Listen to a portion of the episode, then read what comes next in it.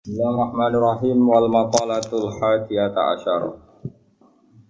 Wal maqalatu ti makalah al hadiyata asyarata kang nomor 11 Iku anin Nabi sangat Nabi Muhammad sallallahu alaihi wasallam nabi satune Nabi iku dawuh As-shalatu imaduddin. As-shalatu te salat utahe nglakoni salat. Utawa merjuangno salat. Jumenengno salat Iku imaduddin iku dadi cagak agama Wa balene malih as-shalatu te nglakoni salat utawa jumenengi salat utawa mbela-mbelani salat iku imaduddin iku dadi cagak agama Ai asluhu tegese dasare din. Fakiwa mudini mongko te jejeki agama iku lae ora ana apa kiwa mudini iku ila biha kecuali kelawan salat. Jadi nglakoni salat jadi rene salat ya fasilitasi salat supaya kabeh.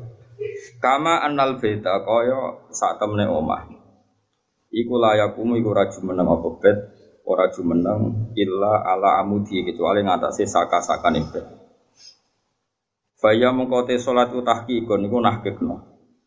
Nahkikno wujudno lil ubudiyati maring sifat kemawulan. Dengan sholat wong ketok kawula tenan sungkepan dan pangeran. Wa adaun lan nekani li haqqi rububiyati maring hake kepengeranane Allah. Lawa jami'ul ibadati utawi sakabehane pira-pira ibadat iku wasa ilu pira-pira lantaran. Iku wasa ilu pira-pira lantaran ila tahqiqi sihha maring nahkikno rahasia-rahasiane salat. Terus niki kalau terangaken nggih masalah salat imaduddin. Kula niku lami sangat di pikiran niki dan ini pasti benar. Sing darani salat iku nglakoni salat. Ya sing darani salat iki nglakoni nopo? Salat. Kados kula mulai takbir ngantos salam niku jenenge nopo? Salat. Kemudian kita ini hidup di dunia nyata. Misalnya nak ramangan itu raiso sholat. Awak lemes itu ngadek kayak raiso pemenang nopo sholat. Sehingga ada wasail, wong kon mangan ben kuat sholat. Kemudian ada wasail lagi, misalnya gini ini pengono tenan. Nabi Ibrahim itu nabi yang luar biasa. Beliau Khalilur Rahman. Dia tahu kalau fisik manusia itu kalau tidak makan itu tidak bisa sholat. Sehingga beliau itu ngerayu pangeran ya Allah Rabbana liyuqimus sholat faj'al afidatam minan nasi tahwi ilaihim warsuhum minas samarat Gusti tiang-tiang Mekah utai pecinta Mekah atau siapa saja yang Islam niku paringi kelar mangan Genak kelar mangan itu ben kelar sholat sehingga para ulama juga mengkiaskan misalnya begini kalau kita tidak punya otoritas politik, maka sholat dilarang. Sehingga kita juga menjaga otoritas politik supaya sholat itu gak dilarang. Caranya gimana? Misalnya gini, saya ini buruh di pabrik milik Cina yang non Muslim. Gara-gara saya buruh dilarang apa? Sholat, karena mengganggu jam kerja. Kalau saya mampu bikin koalisi buruh menuntut hak sholat, saya harus melakukan itu. Karena itu cara saya untuk mendirikan sholat. Atau kalau ada umat Islam mampu kaya dan bisa menciptakan lapangan kerja dengan membolehkan sholat, maka harus melakukan itu demi tegaknya sholat. Makanya ini kelirunya, kelirunya kita kita. Nyongkone ngelakoni sholat itu pokoknya ini dewi sholat. Dia agak mikir bahwa untuk bisa sholat itu dibutuhkan kekuatan ekonomi, kekuatan politik. Saya tuh ngaji di mana-mana, saya ulang-ulang. Islam ke Selat Malaka itu Thailand sama Indonesia itu umurnya bareng. Cuma kebetulan Thailand nggak milih politik, negara dikelola non Muslim. Tahu-tahu sholat itu dilarang di Thailand. Indonesia kebalikan, lah kiai ini seneng politik, keterusan nganti saat ini, paham ya? Akhirnya rawali songo itu Islam lagi rong generasi. Iku wis gawe demak nopo. Wah, senatri mau sholat dilarang. Nara sholat raiso jadi presiden. Jadi saya sholat malah, oh, bupati kok ora sholat, terus arah dipilih. Gubernur kok ora salat lho ngarah dipilih. Ana cawayu salihah kok sing lanang ra bebo salat ya ora payu. Iku keterusan paham tapi ini mau cerita. Jadi karena redaksinya Quran itu wa iqami sholat mendirikan sholat supaya sholat itu berdiri. Bukan kamu saja tapi seluruh negara. Dan itu dibutuhkan macam-macam tadi Ibrahim nyontohkan kekuatan politik kekuatan ekonomi bahwa untuk sholat itu harus warzubum Minas samarot harus ada materi, materi fisik yaitu orang makan. Terus di ayat umum Nabi Ibro, Nabi Muhammad dicontohno ciri utama agama wis menang Muhammad wala yumakkinanna lahum dinahumul ladzir tadha lahum wala yubaddilannahum mim ba'di khaufihim amna. Ciri utama kemenangan Islam Muhammad nak orang melaksanakan Islam itu sudah ada, ada ketakutan. Disebut wala yumakkinanna dinahumul ladzir tadha jadi kira-kira perasaan kulo ada satu negara yang lama sekali ada Islamnya, kemudian sholat di situ takut, sama negara yang sholat tidak takut. Coro alamat untuk futuhe pangeran yang milih negara yang sholat itu udah tak takut. Mergo Allah ngendikan wala yumat kinan nalagum dinahumul ladir tadola. Allah bikin tamkin. Tamkin itu kemampuan melakukan ibadah secara netral, secara kuat. Terus wala ibad dilan nagum mimba di amna. Dan mereka melakukan ibadah itu merasa aman, tidak merasa tak takut. Kayak dulu sahabat sholat itu sembunyi-sembunyi. Pada Fatih Mekah, sholat terang, terang.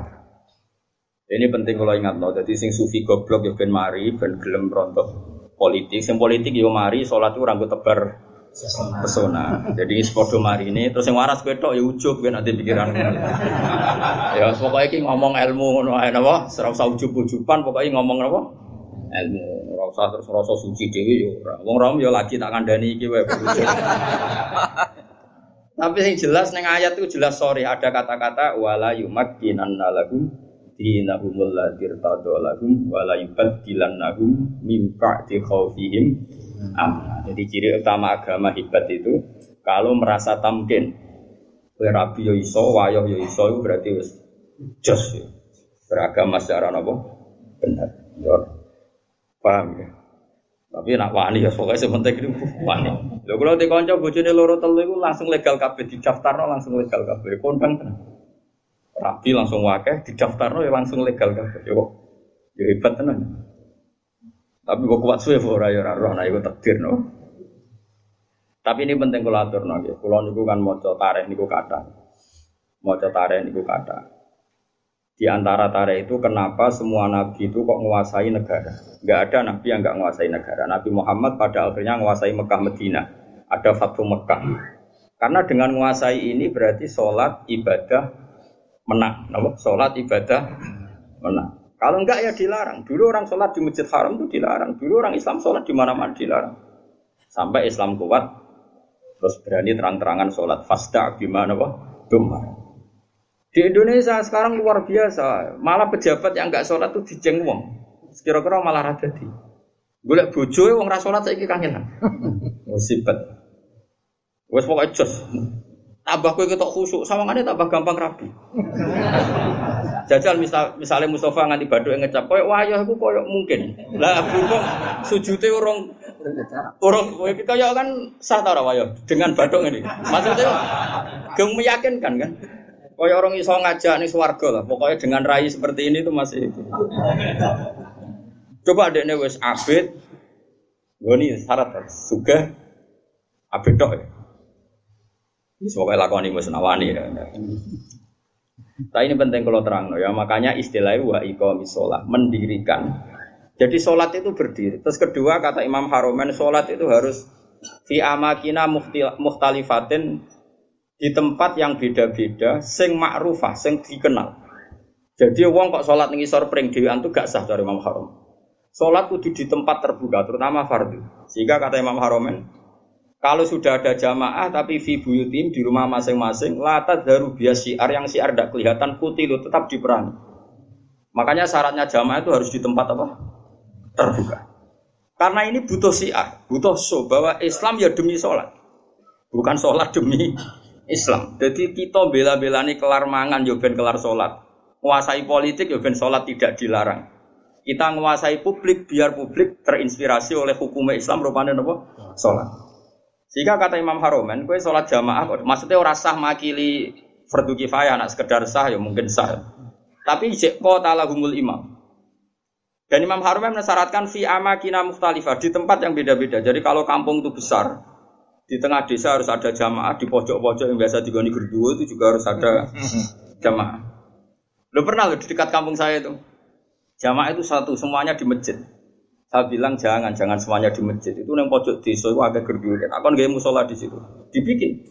Yo gerduwe mirip tenang. Ini penting saya utarakan karena tadi malaikat itu kan di semua buminya Allah itu akan nangis kalau ada bumi yang nggak dipakai sholat, nggak dipakai sujud. Karena malaikat ini menstatuskan bumi itu mahal sujud. Makanya kata Rasulullah wajib ilat anal ardu puluha masjid dan semua bumi Allah itu hakikatnya adalah tempat sujud. Sehingga kalau nggak ada sujud itu ya kecewa. Bumi ini kecewa sekali kan. Makanya harus fi amakina mukhtalifah, tempatnya harus beda-beda di mana-mana. Supaya siar. Kalau jamaah tetap di rumah, kota lahumul imam, harus boleh diperangi oleh imam. Terus ketiga, ini penting kalau terangkan masalah iqamati sholat. Sholat itu pentingnya jamaah, itu sing keliru, itu melok bener. Sing mardut melok makbul. Karena tidak mungkin kan wong patang pulau rawali kabeh. Aku ya mungkin sewa ya rawali kabeh. Normalnya itu kalau ada orang dulu era dulu, angger orang patang pulau mesti sing sitok itu wali. Kayaknya sekarang sak juta pun nggak jamin ada apa? Nggak ada wali, tapi nggak masalah lah. Mungkin zaman akhir prio, eh, kriteria wali juga agak seketat zaman zaman dulu mungkin. Masa beda zaman kualifikasinya masih sama. Tapi kan saya kira angger sebawa nasi ibad ngalor ngidul. ya ini saya turunkan lah kualifikasinya saya santai. Sholat itu bisa bener itu baru kayak wong akeh. Dulu itu sholat itu kok caci le. Kalau nu gak ada kitab namanya ini uh, disertasinya dokter profesor namanya itu Muhammad. Kalau nu kenal sama orangnya dulu pernah ke Sarang. Anak Syekh Rojab. Uh, abahnya itu profesor terus punya anak ya profesor juga. Uh, dia nulis tentang fikih Imamil Haromen. Uh, kemudian saya pernah ketemu pernah. Saya, beli kitabnya mulai kitab disertasi dokternya sampai uh, dia setelah jadi profesor. Profesor fikih, profesor fikih. Uh, dia ngarang judulnya Fikhu Imamil Haromen. Dia nganalisis cara berfikihnya Imam siapa? Karena Haromen itu gurunya Imam Ghazali. Oh itu lama yang luar biasa betul. Dia itu orang Irak. Mangkel deh, Mekah jadi kota mati mangkel. Mangkel ulama mandi kan. Dia udah bener Mekah, mulang. Nggak mulang ya ngawur-ngawuran. Ngawur ngawur wong alim tapi coba apa yang kowe. Maksudnya ngawur itu panjen bahasa Arabe, bahasa Arabe tenanan itu ismam. Ismam itu budak, budak itu ora peduli. Mulane tak terjemah ngawur, ora koyo ngawur, ngawur itu ora ono biasa. Ya bahasa Arabe, bahasa Arabe tenanan ismam. Ismam pun mau budak dari kata apa? Sumun, enggak mau tahu. Mulang di Mekah. Ini dasar wong keramat. Mulang sing ngaji wae, sing kuwedeng yo akeh. Ayo mulang ya dene jalan. Bareng Mekah wis ruame ilmu pindah nang Madinah. Gak terima dene Madinah mati ilmu. Mulane digelar imam nopo? Haram. Semenjak itu Mekah Madinah itu ada geliat fikih. Mereka digerakkan oleh imam siapa? Wah, nak ngondikan wis kuwasa repol jadi mahram ini kuwara. Makanya Imam Ghazali di sering keras karena didikan guru. Wah, karena jadi Imam Haram, ngamuan wong. Ya itu beliau termasuk yang fatwa jamaah itu tidak cukup fi makanin wahid kudu fi amkinatin mukhtalifah di beberapa tempat yang beda beda-beda. Karena semua arduwa nggak boleh dipisahkan dari sujud. Sehingga terus dia untuk gelar nopo imam nopo harman kalau ada kitab eh, sekitar berapa jilid ya? Ada 8 jilid atau 9 jilid yang kitab karangan beliau. Namanya Nihayatul Matlab fi Dirayatil Madhab itu kitab Indo jadi Imam Ghazali alim gitu itu karena barokahnya dididik Imam siapa? Haroman. Haroman itu luar biasa. Yang yang paling saya kenang dari Imam Haroman itu gitu. Nak ngendikan gua ambek ngamuk. Wes masyhur. Kok yang menang kalah itu ngamuk. Tapi ngamuk wong alim ya tetap keramat terus. Kowe ngamuk ya guyu caci cilik. Ya apa ya? Kaya stres ngono modele ngamuk enak wong alim itu terus kaya mergo rondo tapi nang ngamuk wong alim itu duwe napa haid. Terus dia menulis faedahnya sholat. Jadi perjuangannya Rasulullah kayak begitu sampai jihad sampai perang supaya sholat itu tegak. Makanya dimulai Nabi Ibrahim kita anak beliau Nabi betul ngendikannya Robbana liyuki musola supaya mereka melakukan sholat. Cobalah karena mereka manusia kasih uang kasih makan karena mereka kalau nggak makan nggak kuat. Robbana liukimus sholat. Saya bela-belain mendoakan penduduk Mekah punya uang tuh mau supaya liukimus Berarti fas sholat maksudah tujuan kita makan adalah ben kelar. Sekarang kan enggak. Ayo sholat sih ben mangan enak. Berarti mangane ku tujuan, sholatnya ku lan. Bagus innalillahi wa inna ilaihi Mulane kena buka Ramadan, niku cara aku sampai mangan sih, aja sok khusuk terus ora usah mangan, ben mangan sih ben salate tenang. Ayo salat sih ben bukane tenang. Berarti kowe bela-belani mangan, salate mau lantara. Usum di ini kene kowe.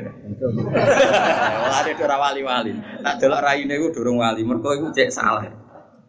Tapi nanti kualifikasinya diturunkan jadi wali supaya supaya gampang jadi apa? Terus keempat begini masalah sholat. Kalau gak ada kitab Fathul Bari, saranya Bukhari. Itu nabi-nabi saking senengi sholat. Kata Rasulullah, Waro'a itu Musa tahtal kasih bil ahmar, wa imun yusolli ala qabri. Saya melihat Musa pertama ketemu, dia masih di kuburan, di tahtal kasih bil ahmar. Ada gundukan merah dekat Yerusalem, itu sekitar berapa ya? Sekitar 6 kilo atau berapa. Karena kalau di tag hadis, saya ulang lagi, di tag nama hadis. Nabi Musa itu sebenarnya mau mati itu di Tih, mau wafat itu di Tih. Tih itu ya dengan Masjid Haram masih 20 kilo atau berapa, masih jauh. Terus beliau kata Nabi Musa, Nabi itu unik semua. Ya Allah, matikan saya romyatan bihajarin ila ardil muqaddasah. Saya inginnya mati hanya selemparan batu karena dulu gak ada kiloan, gak ada meteran, ukurannya romyatan dihajarin sekuat orang melempar batu, ya sedekat itu saya mati. Ya kira-kira berapa? Orang melempar batu itu paling berapa kilo? Kira-kira Gak buanter, wong Arab loh, ojo ojo wong rom. Wong Arab wis bar mangan, ojo. Hah? Nak watu gede, watune cilik tak gede. Nak watune gede oh. Nah, jam matematika juga. Gak gak kira Satu meter par kan? Hah? Bro. Nah itu di situ Nabi Musa itu sholat. Kalau nanti teng makomnya Nabi Musa, makom itu tempat beliau sholat dulu. Teng kuburannya, meskipun kuburannya muhtalaf tentu. Terus di Sarafatul Bari itu gini, termasuk yang ditulis Said Muhammad dalam Mafahim Ajiban Tuhan. Rasulullah itu saking senengnya sholat ketika gini, ketika saya belum pernah ketemu para nabi kecuali pas itu kuburan di, di kuburannya sholat domun farid munfarid sendiri. Kan gak iso ngentongi jamaah mau ndak mau harus sendiri. Pas Nabi Muhammad mau ke Isra itu kan beliau di Baitul Maqdis. Semua sholat datang. Karena mereka hobinya sholat ini mumpung ada imam besar. Imam besar kaji Nabi maksudnya kok napa Bapak. Kowe kok terlalu jurnalistik. Mumpung ada imam besar, Imamul Mutakin itu, yang di Tarhim Tarhim itu Uh, di Tarhim Tarhim kan diterangkan loh, yang ada tuh musola-musola yang masih pakai tarhim itu. Watakot dam tali solati. Fasolah wa antal seperti uh, terus watakot dam tali solati terus wal antal apa? Imam. Kemudian para nabi datang, kamu maju dan kamu menjadi apa? Imam. Itu Nabi sebelum Mi'raj itu kenangannya para nabi ya sholat. Jadi semua nabi datang ke Baitul Maqdis itu hanya apa? Untuk sholat. Mumpung ada ya Imam al-Muttaqin, Imam al-Mujahidin. Imam besar ahli jihad, ahli takwa. Itu semuanya gitu, semuanya demi sholat. Singkat cerita ketika Nabi mau kabundut, saking senangnya sholat itu ketika nih, saya apal tagnya. Saya ini mau meninggal kata Nabi. Dan saya melihat para Nabi itu sholat di kuburannya. Kata Nabi ini, wa ana akromu Allah dan saya terlalu terhormat. Saya ini terlalu terhormat di mata Allah untuk membiarkan saya tiga hari meninggal kemudian saya tidak sholat. Jadi pastikan kalau saya terpaksa mengalami masa-masa kecelok mati mayat, maksud kecelok ya tentu tidak mayat hakikatan karena semua nabi itu ahya, semua nabi itu hidup. Umpama aku kecelok ngikuti prosedur umumnya wong sing kecelok kabundut, paling banter mau Aku ku izin ya pangeran, terlalu terhormat pangeran. Kok aku terus nih kuburan, kok amen turu mati terus sholat. Jadi Nabi cita-cita terbesar beliau setelah meninggal pun itu mau melakukan sholat. Wa anak akromu ala setelah, setelah saya meninggal gini, walam usol ibadah salasin. Kemudian saya ada sholat setelah masa tiga Ya masa tiga hari mungkin itu pilihan Nabi karena mau tidak mau harus mengalami proses peralihan alam ya. Tapi tetap cita-citanya itu sholat. Nah saya kira gue iso sholat udah spring susu. Nah, ya Allah, ya Allah. dan sampai sih besar. Terus keempat, sebaiknya imam sholat itu yang paling alim, paling akrok, paling benar. Itu awal-awalnya. Tapi nanti kan terus kayak seleksi KPU. Misalnya Mustafa, wis iki jenggoten wis sunah Rasul tua wis bener. Tapi engkau tajwidnya kalah mbek Ki Fuad. Ki Fuad misalnya tajwidnya bener kalah sepuh mbek Pak Hudi. Nanti kan iso seleksi kan ribet. Sajane apik aturan itu tapi nanti sini ribet. Terus Ruhin menang. Wah, ra iso sing paling parah pangeran jare Nabi wong fakir. Wah, seset barakah. Wah, repot. Dulu itu sholat itu memang diseleksi betul. Karena ya umul kaum akro umul kitabillah yang paling berat imam itu yang paling akro, yang paling afkoh, yang paling asan, yang paling agam hijratan difke kan ada aturannya. Satu yang paling bacaannya benar, benar tok harus tahu apa maknanya. Karena kalau nggak tahu maknanya itu kalau wakaf itu fatal. Ya fatal tuh Pak. Misalnya orang wong wacanane api terus wakafnya gini, Inna wohala yastahyi terus wakaf. Ayo prono. Mulane wong-wong sing korek suarane apik boyo do tobat, belajar maknane Quran. Kadang wakofe iku fatal. Ya ono sing wakof ngene misale. Apa itu innama yastajibul ladzina yasmauna wal mauta. Berarti artinya terus piye? Dadi sing nampa dakwahe pangeran iku wong Kulo niku cara pantes, wae ngarang bapak kofasol, tapi kira-kira do angel bali lo rugi. Jadi yang keliru di Indonesia ini kritik saya terbuka pada yang belajar tajwid hanya makhraj. Sebetulnya dulu definisi tajwid itu udah hanya makhraj, termasuk ma'rifatul wukuf wal. Makanya nenggone jazariyah wa ba'da tajwidi kalil hurufi la min ma'rifatil wukufi. Jadi wakaf itu inti tajwid, tapi sekarang wong muni ahli tajwid itu maknanya makhrote toh. Wakaf asal jeblok sehingga ana wong wakaf indah wa la yastahi. Ya prono. Tapi zaman sing so sempurna itu so, ya sudah sing tompo ae, sing zaman akhir tompo ae. Cuma sebetulnya kalau mau belajar tajwid itu ya sak paket belajar wakaf dan wasol. Karena sekali salah itu fatal. Pemenang wakaf juz 24. Wa kadzalika haqqat kalimatu rabbika alladziina kafaru annahum ashabun naril ladzina yahmiluna al-arsya oh malah tuh malaikat Jibril. Mergo niku ashabun nar disifati alladzina yahmiluna al-arsya. Oh neraka alus. Makanya wakaf ini penting sekali. Lho kula nu ada kitab karangannya Hasan bin Hadi Asegaf. Saking judulnya kitab Al Jauharul Masun fi Qiraati Qalun, eh, qiraahnya Nafi yang riwayatnya Qalun. Sampai saking dugane Habib Hadi Hasan bin Hadi Asegaf. Itu orang-orang sadat yang terkenal ahli qiraah. Sampai ngedikan gini. Saya ngapal kitabku nem wakaf tok dakhalal jannah saking mangkeli wong wis belajar. Roh tok nem sangka wakaf. Iku dakhalal lah aku apal ketan. Jadi potensi ibu swarga itu tinggi lah karena enam wae swarga. Kalau puluhan mungkin ratusan. Karena ya tadi fatal. Kalau tidak tahu itu fatal. Ya tapi piye zaman akhir ape Wong wong ora sempurna. Ya sudah enggak apa-apa sudah kita seperti ini kita terima saja.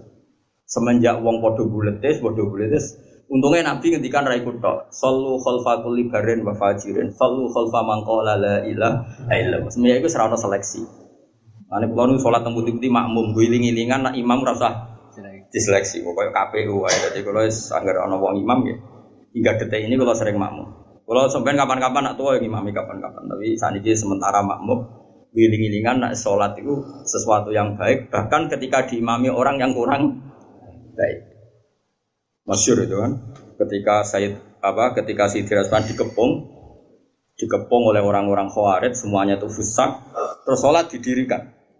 Ketika sholat didirikan karena orang soleh-soleh itu dikepung, dimami mubtadi orang yang sangat berdua, sangat berdua, arti mau berdua, sangat berdua Bahkan orang yang imam ini termasuk orang yang menghendaki Husain terbunuh. Apa? Said Utsman terbunuh. Orang-orang baik di dalam gedung termasuk Sayyidina Utsman, Said Hasan bin Ali, terus ada Abu Hurairah, ada beberapa itu.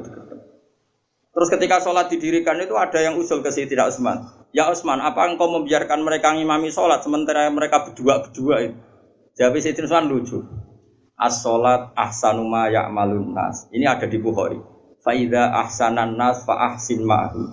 Salat itu perilaku terbaik manusia. Kalau mereka sedang sholat kan sedang baik ya sudah nggak apa-apa kamu makmum. Setidaknya pas sholat itu sedang baik. Saking arifnya Sayyidina Usman. Makanya sama makmum rugen ya bolak balik. Setid setidaknya pas sholat itu pas waras. Lah kok pas beto beto ya pas rata anut tuh. Pas sholat Pak Mustafa itu pas sholat ya tanut. Tapi nak pas turu ngaji ya rata anut. Jadi sementing itu pas sholat itu kearifan. Aku lo makmum wong makmum wong bolak-balik. Kecewa yo bolak-balik tapi adas. Mulane nu mantep. Kula mantep dosa di sepuro, kula husnudzon be pangeran. Wong pangeran dawuh anak idadzoni abdi. Kula nu zaman melarat. Lah yo orang juga tapi kula niren tuh melarat di bangsa iki. Moro Jogja niku beto kerdus. Kalian santri kula kali. Kula riyen zaman melarat tuh di santri. Jadi sepakat kiai, melarat lah yo. Lho kula zaman melarat tuh wis ngorek kitab mahal, kitab tertinggi loh setelah Fatul Qorib, Fatul Muin, Fatul Wahab itu stop. Banyak santri sarang yang ikut saya karena ingin ngaji sama hal padahal tamat aliyah sarang. Jadi mulai dulu saya di Jogja pertama itu mahal. Saya kira tak dono nasoil bibat. Lagi nak gelem sorokan loh tapi juga semua cowok. Tak balenin nih mulang nopo mahal gitu. Tapi sekali raiso tak usir.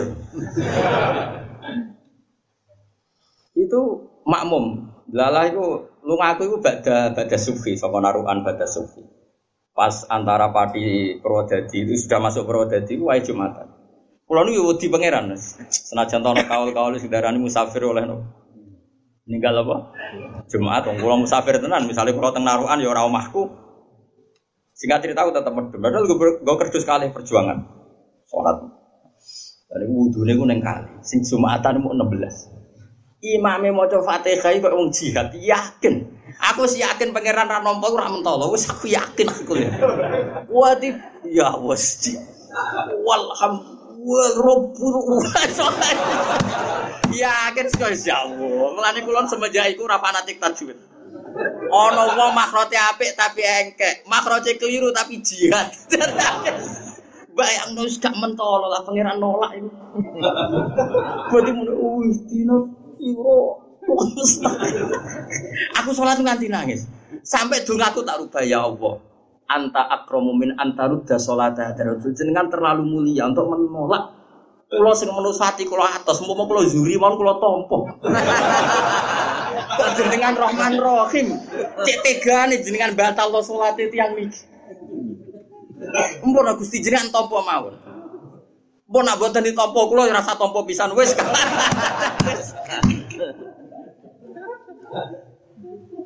Ya Allah. Tapi kalau tetap wajib no makhrot ini mau cerita, kira usah melo-melo, ya terus sensitif. Kok cawe itu eh sensitif. Gus gak wajib no makhrot, ya sembrono. Ya tetap wajib makhrot, wajib. Cara Imam Jazari sebuti, uh, sebuti wahakada menyu ilain anowo wasolain. Jadi Quran harus dibaca dengan tajwid karena mulai dulu ya Quran dari Rasul sampai kita ya dengan apa? Tajwid. Tapi ada kasus-kasus tertentu yang tajwid itu nggak bisa kamu wajibkan tadi.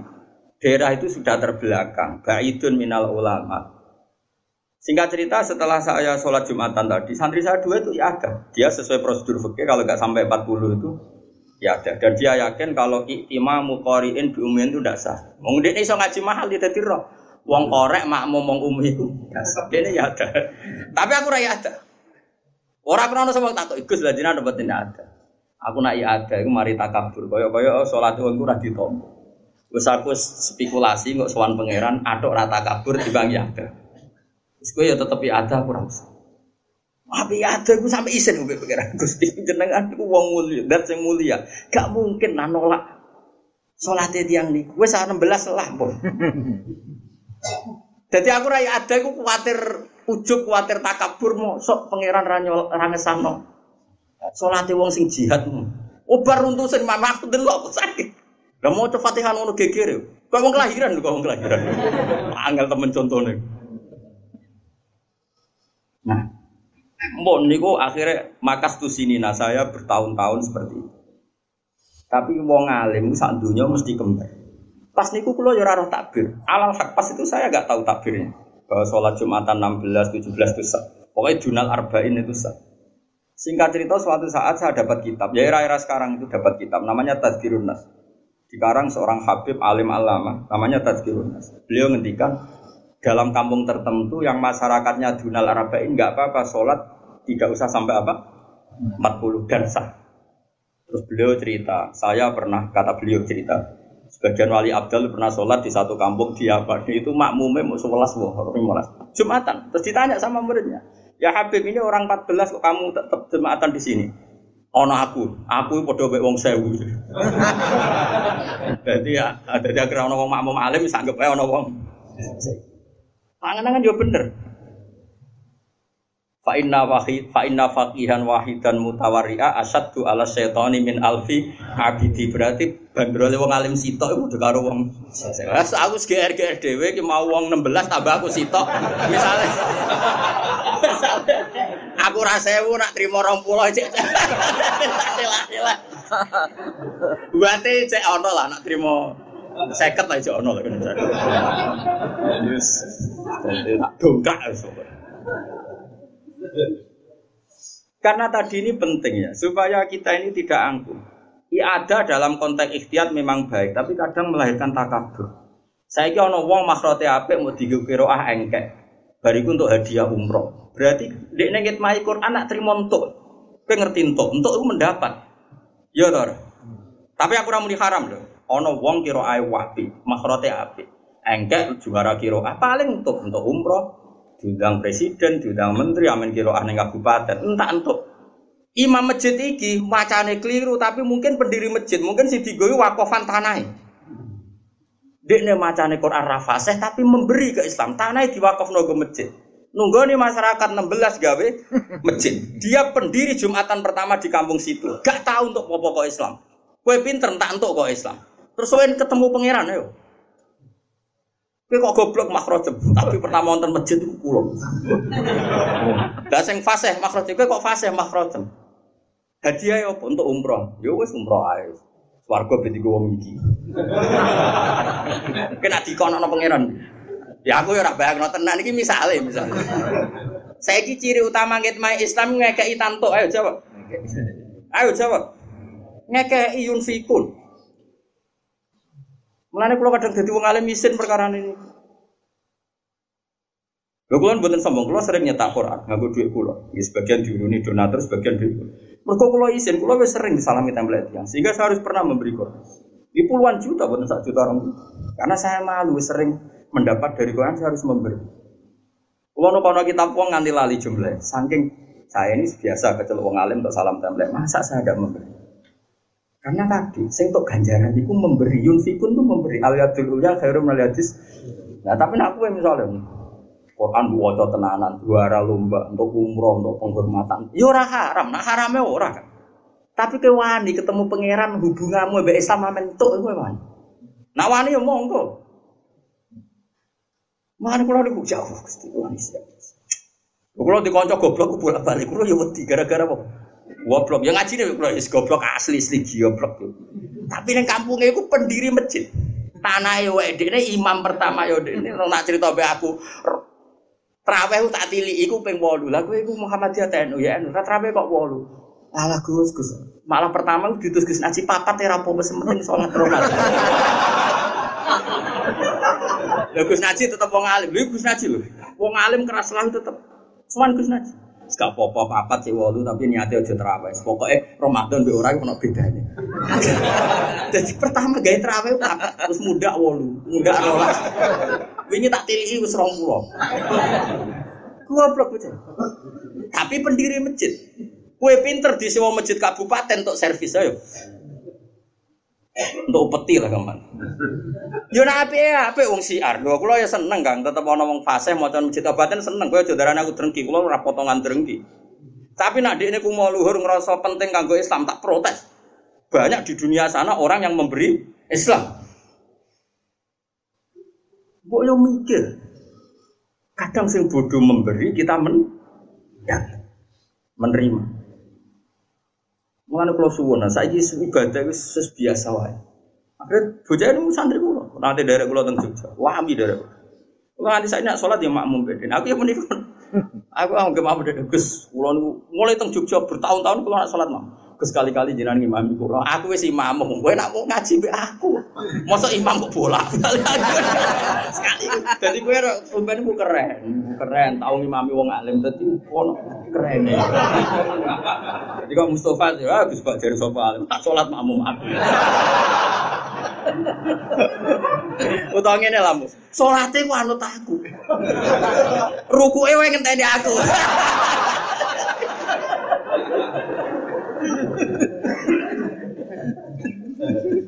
Lo masyur. Jadi sahabat sing kasih imami Nabi mau sitok jenenge Abdurrahman bin Auf sinten? Abu Bakar pernah pengen imami kami kan gak sido masyur Nabi gerah salat nang masjid di imami sinten? Abu Bakar. Pas Abu Bakar mentakbir dengar ada suara Nabi terus Abu Bakar tak akhoro mundur terus Nabi akhirnya maju. Tapi Nabi maju pun sempat ngendikan e, memberi isyarat ankum maka anak kamu di situ saja. Yang kasil pernah jadi imam sukses Abdurrahman bin Auf dan ini jarang masyur. Abdurrahman bin Auf itu di perjalanan di Rasulullah banyak orang. E, Nabi itu kan fanatik awal waktu sehingga ketika Nabi nggak ada juga entah cari apa itu. Sholat masuk terus sholat. Sehingga Imam Abdurrahman bin Auf setelah dua rakaat Nabi datang diterus nawa. Makanya dengan ilmu hadis ana naduman walam yusol lil Mustafa khalfa ahad ilabna aufin walahul fadlul abad. Rasulullah itu gak pernah sukses jadi makmum kecuali makmum Abdurrahman bin Auf. Walahul fadlul abad. Gara-gara itu punya keutamaan sing selawas-selawas. Mulane Abdurrahman bertakwa wong, pas kira tahu imami kaji. Aku tahu. sukses pisan nganti salam. Ya ditakoki, lha kok ya roh Nabi ra. Ya roh. Jadi ya ada sahabat itu. Nah, Abu Bakar kan terlalu sopan, jadi mundur. Abdurrahman ya enggak sekali-kali. Cara Jawa kapan meneh. Makanya ada hati saudara walam yusol lil Mustafa khalfa ahad ilabna aufin walahul fadlul abad. Rasulullah nggak pernah sholat makmum sukses sampai salam kecuali di belakang Abdurrahman bin Wah, bicara Nabi cek sugeng ya keren Mustafa. Terus kembali lagi ke sholat jamaah fadilahnya. Dulu sholat itu kok cacile, cacile itu ya cacile. Lalu kalau mengaji tunggu tiba cerita, Nah ono cah cilik nyelip imam ku barno iku niru sahabat radhiyallahu anhu. Dadi di itu salat tuh gede gitu. Sampai lah ya termasuk ini cerita yang figu Imamil Haromen. Saya baca itu pertama ya di figu Imamil Haromen. Jadi misalnya Mustafa ini, Mustafa Jenggot ini, Mustafa Khusyuk ini, ya Mustafa ini, Mustafa ini. Khusyuk itu ratunan. Aku yakin Khusyuk Rukin. Wow, Khusyuk Rukin. Mau nganti lemu tawakalnya lu dulu. Jadi jari Imam Syafi'i itu orang nong mlebu swarga lemu iku cepet. Wong mlebu swarga iku nak lemu kangelan. Kecuali Sito Muhammad bin Hasan Sibani. Ulama lemu. Semenjak iku ulama lemu gak apa-apa. Satu ulama sing lemu Muhammad bin Hasan Asy-Syaibani masyhur. Liyane ku ruwah. Semenjak iku sono ulama lemu terus gak niru ulama niru lemu. Di sini sholat ngene kan. Jadi misalnya Mustafa makmum. Ya ono Rasulullah, Rasulullah pasti ku sugeng. Rasulullah dan imami. Terus Rasulullah sudah rokaat ketiga, keempat. Fajar aja ini orang datang. Terus tanya dengan isyarat. Tadi sudah sholat berapa? Fa'asharu ilaihi angkada. Sudah empat rokaat. Lalu terus takbir diselip. Jadi Rasulullah jadi diselip. Jadi misalnya Nabi kok istakiyat akhir. Allah Akbar. Yo terus rokaat ula, rokaat sania, rokaat saja disebut nganti menangi Nabi tahiyat akhir. Jadi sholat itu model gue. Kok Nabi salam ya melok salam. Jadi kok caci le, badanku kok caci le cilik. Mulane caci le sing model ngono iku salah no iku niru. Jadi sholat modifikasi masbuk model ini itu model baru. Jadi rodok bid'ah lah modelnya. Walhasil Rasulullah itu dibiarkan oleh Rasulullah dibiarkan berjalan berbulan-bulan dibiarkan. Pokoknya yang ana wong salat karek takok Nabi mau piro dijawab lho isyarat. Ya wes terus takbir. Saleh. Terus kaya wong awam-awam ngono ya. Ning didi wong awam ngono ya. Nyelip apa? Imam. Kok nek loro Ya wes terus ngikuti rutene ritme ya. Sembrono tenan. Itu berjalan. Suatu saat ada Mu'ad, Mu'ad itu terkenal afqahus sahabat, termasuk sahabat yang terkenal ahli fikih, masyhur. Terus Mu'ad ini bikin model baru. Dia datang, ya tanya juga sama sahabat, Nabi sudah berapa rakaat? Dijawab dua. Ya sudah, nanti Mu'ad terus takbir, terus langsung ikuti Nabi. Ngikuti Nabi karena dia terkarek apa? eh, terlambat berapa? Dua rakaat. Kemudian setelah Nabi salam dia nambahi dua rakaat. Dan itu muat yang disalahkan orang banyak karena bid'ah ya hal baru itu bid'ah. Nah, setelah itu Rasulullah ngerso. Cara Jawa kok rame-rame ono apa? Ini muat bikin model baru ini. Model, model baru itu yang yang kayak kita sekarang itu model. Akhirnya Nabi Nabi benarkan muat. Ya begitulah yang benar kok kayak oh, muat. Terus Nabi sebenarnya itu dengan man adroka imam nggak ada terus ikuti saja terus nanti ikut apa menambah kekurangan. Semenjak itu terjadi model sekarang. Itu pun kita bisa barokahnya jamaah. Apa barokahnya? Coba orang-orang masbuk yang di kota-kota kan gak tahu ngaji takrib, gak tahu ngaji muin. Kok iso nambahi masbuk? Mergo ono sing kancane sing nyontoni. Kancane nyontoni. Kancane ngerti-ngerti bener. Padha ora roh ngajine tapi ujuk-ujuk. Iku barokah jamaah. Nggih betul. Ngomong awam kan yo ora iso ngaji, tapi nak nambahi masbuk kan bener mergo roh. Mulane kiai barang kesunatane kadang tahu karek ben nyontoni carane masbuk malah kiai ini ora tau karek. nah kiai wis bener terus karek lah bener go nyontoni carane masbuk. Lah nek kiai ora tau karek sing nyontoni masbuk pertama kok caci lek bau terus piye? Main salib. Paham? Ya, jadi lengi-lengi mulane ngaji. Ya, jadi Rasulullah saking senengnya sholat. Setelah beliau wafat atau bahasa pasnya itu intakola ila rofiqil aja cita-citanya sholat.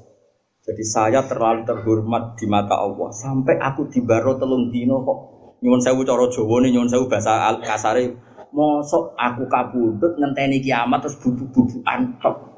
Si gak ora aku lah, bukan gue, ora aku. Aku tetap kepingin gue sholat.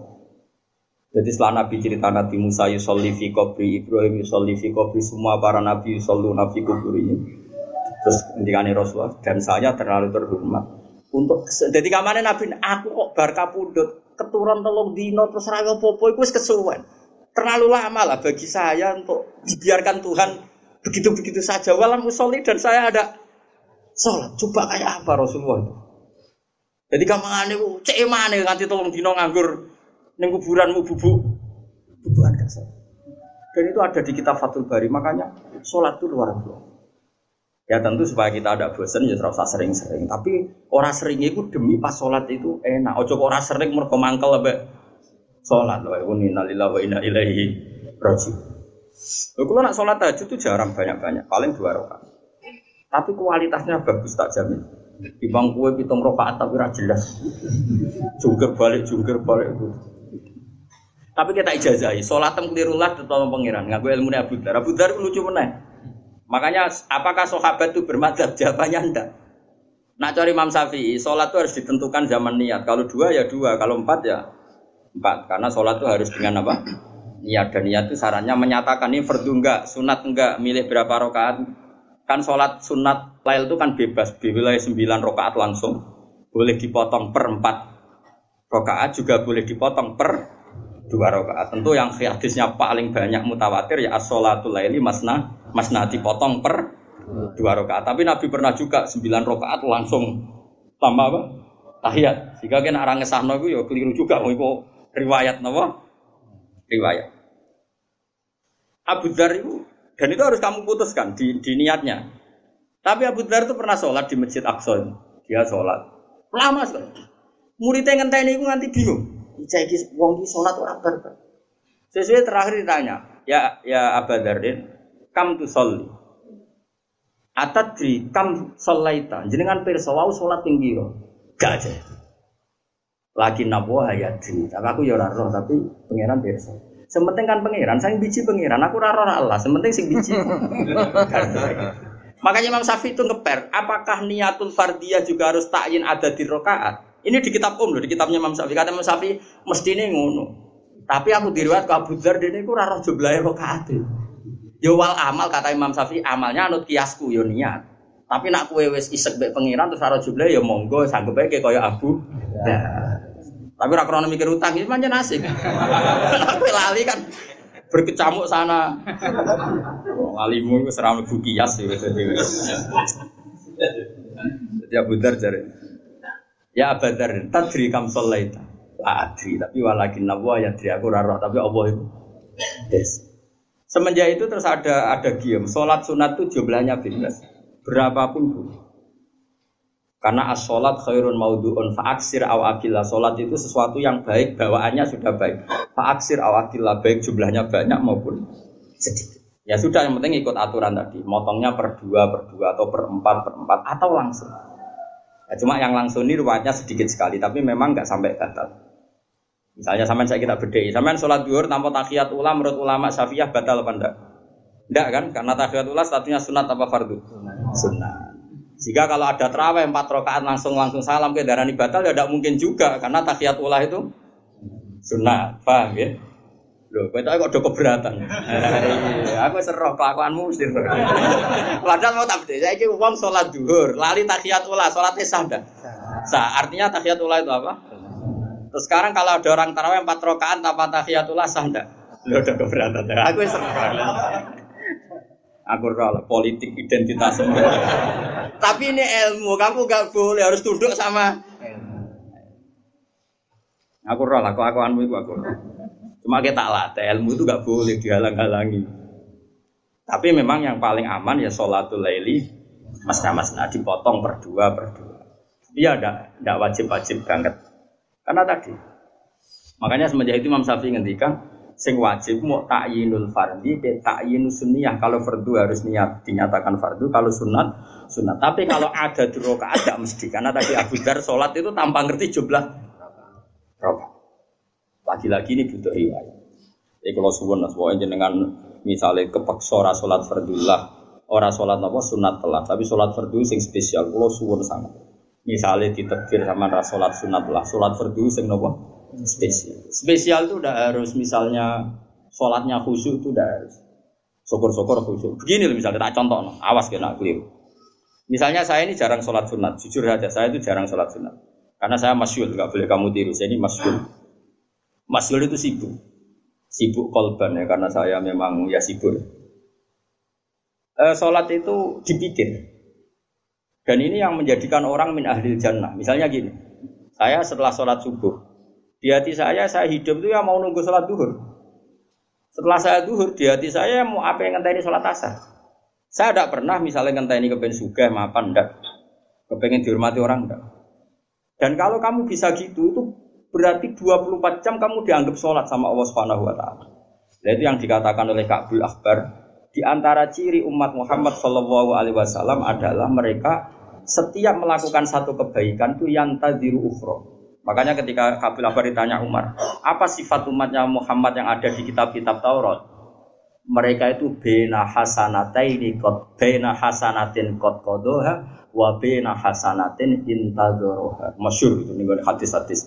Mereka adalah umat setelah melakukan satu hasanah menunggu hasanah yang lain. Sehingga ketika kita sholat subuh selesai, ya pikiran kita nunggu dur, dur selesai nunggu asar. Sehingga pas kita mati di antara itu status kita adalah fa'ilu zuhri muntadirul asri, pelaku sholat duhur dan ngenteni.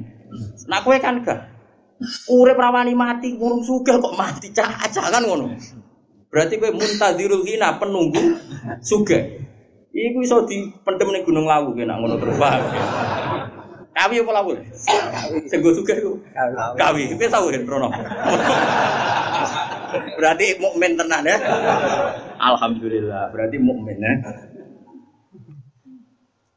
Ya, jadi ke sholat duhur. Sehingga Allah ketika ngambil kita, status kita ini penunggu sholat. Kenapa? Eh, penunggu sholat. Bina hasanatin kot kotoha wa bina hasanatin in Cirinya apa? Setelah adzan misalnya Allahu Akbar, Akbar langsung Alhamdulillah sing tak ini teko. Karena lama, dia rindu sama Allah itu lama. Sehingga ketika dengar adzan langsung alhamdulillah. Lah nak kue orang ini kan gak alhamdulillah, adzan meneh lagi bar. Kuwi gue seorang muntadir iku. Mulane kula niku alhamdulillah, itu ilmunya Kabul Akbar. Kabul Akbar itu termasuk ahli kitab yang riwayatnya diterima oleh ahli sunnah nopo wal jamaah. Makanya di tiba itu ada al hadis susani an Yasar bin Ato an Kabil Akbar. Mulane kula nu agrape dhuwur seringe nggih ngopi, ape subuh nggih ngopi. Nek takok ibu juga kula, kula jam 4 ngopi. Ya gawe dhewe. Kula matur pengiran Gusti, kula niki ngenteni subuh. Ya ngopi. Jadi subuh itu seger bareng. Ya baru subuh ya ngenteni dulu. Dan aku mati kapan saja ora masalah. Pelaku sholat dan penunggu. kan enggak. Gusti, Gusti. Matilah Gusti, tapi men mapan mulai cilik. Mengarang. Mau penunggu suge. Itu kesunatannya di bedem gunung dia. Kau iya. Ya oke tawar. Jadi khusyuk itu udah harus pas sholatnya. Semua persiapan kita demi termasuk dahar. Masyur itu Nabi ketikan. Ida atil asya wa hadaratil isya faqad dimil asya. Kalau kalian malah ya. Ida hadaratil asya. Ya, wa uqim ida hadarat apa ida apa asya wa hadaratil isya faqad dimil apa asya. Kue nak wis kadung disiapno mangan malam, kemudian ono adan isya. Kamu harus makan dulu. Itu pun demi nenangno sholat. Begitu juga takjil ning Ramadan. Nganti disunatno takjil ben sholatnya tenang. Jadi semua orientasi hidup kita, bahkan kita makan saja demi nenangno sholat. Berarti kan kamu menjadikan sholat ini al maksudul azam, tujuan Meskipun kayak pas sholat mungkin standar-standar saja. Tapi kan 24 jam otakmu itu berkecamuk ambek misalnya lagi ketiga misalnya begini. Saya misalnya kan sering pergi. Setidaknya gue sarong, jagani nak menon najis ning dalan iso apa salat. Lagi gue sarong ngalor ngidul senajan to kok salate ya standar wae, tapi gue salor ngalor ngidul pangeran yo ngapresiasi. Mau demi enak menono najis e salat. Ojo kok sok lunga plang-plang gak gue salin bareng ning terminal Semarang ngono iku aku ora bolak-balik terminal Semarang wis potensi najisnya tinggi pun saiki dibangun. Unak jari kanca-kancaku dhisik Ala Gus ora usah salat ini hormatil waktu. Lah kok baleni padha wae. Mosok ada santri sing beli-beli ku mbah salat apa? Hormatil waktu. Cari alasannya rugi kok wajib balik. Coba banyak orang Islam nak lunga iku nggawa sarong nggawa klambi sitok. Senajan tuh nak sholat biasa-biasa wae, tapi sarong mbek klambi digowe tang-eteng demi jagani. Kok nak najis iso? Allah kok gak haru? Oh haru sekali. Meneh sing lunga nggawa mobil nggih buat Gawa sarung salin terus gawa apa kulo cek sering rawong soleh-soleh gawa apa sing gawa wedi nganti telu. nih kok nak dakhalati salat ning gone pedalaman tetep iso. Kulo sering anu kiai alim, dia butuh nggak afwan. Mergo jagani iso. Kayak gini kan orientasinya semuanya untuk sholat. Ngene iki misale salate biasalah tetap spesial karena semua perbekalan demi untuk Paham ya? Jadi saya ulang lagi. Jadi khusus sholat itu bentuknya anda harus pas sholat khusus. Yaitu bagus syukur-syukur seperti itu. Buktinya Allah menilai orang munafik juga termasuk cara ngadepi sholat. Itu disebut wa ila kaumu ila sholati kaumu usala. Ketika sholat ambil berangkat dari arah sarasan, itu dianggap munafik. Berarti pra sholat juga dihitung. Berarti sama kita kok ape sholat tenanan berarti dihitung mu mukmin. Bukan ape sholat tenanan. Awang munafik apa sholat? Ku salah rasa. Mana kalau suwon dilatih lah, anak lungo itu yang bawa sarong. Setidaknya bayang no sholat itu, bayang no terburuk pakaian kita nanti najis di jalan, tetap bisa nopo. Sholat. Tapi aja krono was was, berbar lungo nih bis ganti, no sarong. Iku, ya ono sing ngono. Kena debu, suwanti, nek debu, kewanti, nanti lungane ku sak kerdus sarong. Nek iku ra was was. Ya Allah, kalau roh konco kulo was-was ya Allah. Sedina ngubah sarung pitu. Sampai bingung dia ngadepi. Jadi kan orang tahu salin sarung ambil sholat. Ben aku ngerti nak pangeran nompo. Lah kok ngerti guys? Saya pangeran karwan dawu anak intadoni abdi bi mantep putih tompo ya ditompo. Lah mantep pemurah paling ya ora. Saya jadi mikir, wah asmane Gus. Asmane piye ku hadis sok itu khusuk tapi balel. Hati sokan. Ya lengi-lengi ya. Jadi kama anal beta lah yakumu ila Ini kan bulan Muharram. Semoga kenangan kula mulang nerang apa? Sholat. Sampai Rasulullah itu gak ikhlas nak sare ning kuburan lama-lama mau demi apa nang sholat. Ini wonten tengene Fadil Bari. Faki mamudin iku lesa ora ana paki mamudin iku ila kecuali kelan salat kama anal beta. Kaya dene sak temne omah ila ya kumuraji meneng apa ma ila alamuji kecuali ngatasé cagak-cagak ibet. Faya mengkote sholat itu tahkikun nyata rububiyati maring sifat kemaulane penuso. Wa ada onan nekani di hakiki rububiyati maring hak kepengirane Allah. lawa jamu ibadati utai sekabehane kabeh ibadah wudu ya demi salat kowe mergawe tuku klambi ya ben kena dinggo salat engko kowe kelar mangan ya ben iso salat wa jamu ibadat iku kabeh wasail iku mok lantaran ila tahqiqi sirriha maring nahkikno mujudno tenan sesuai hakikat rahasia rahasiane napa? Salat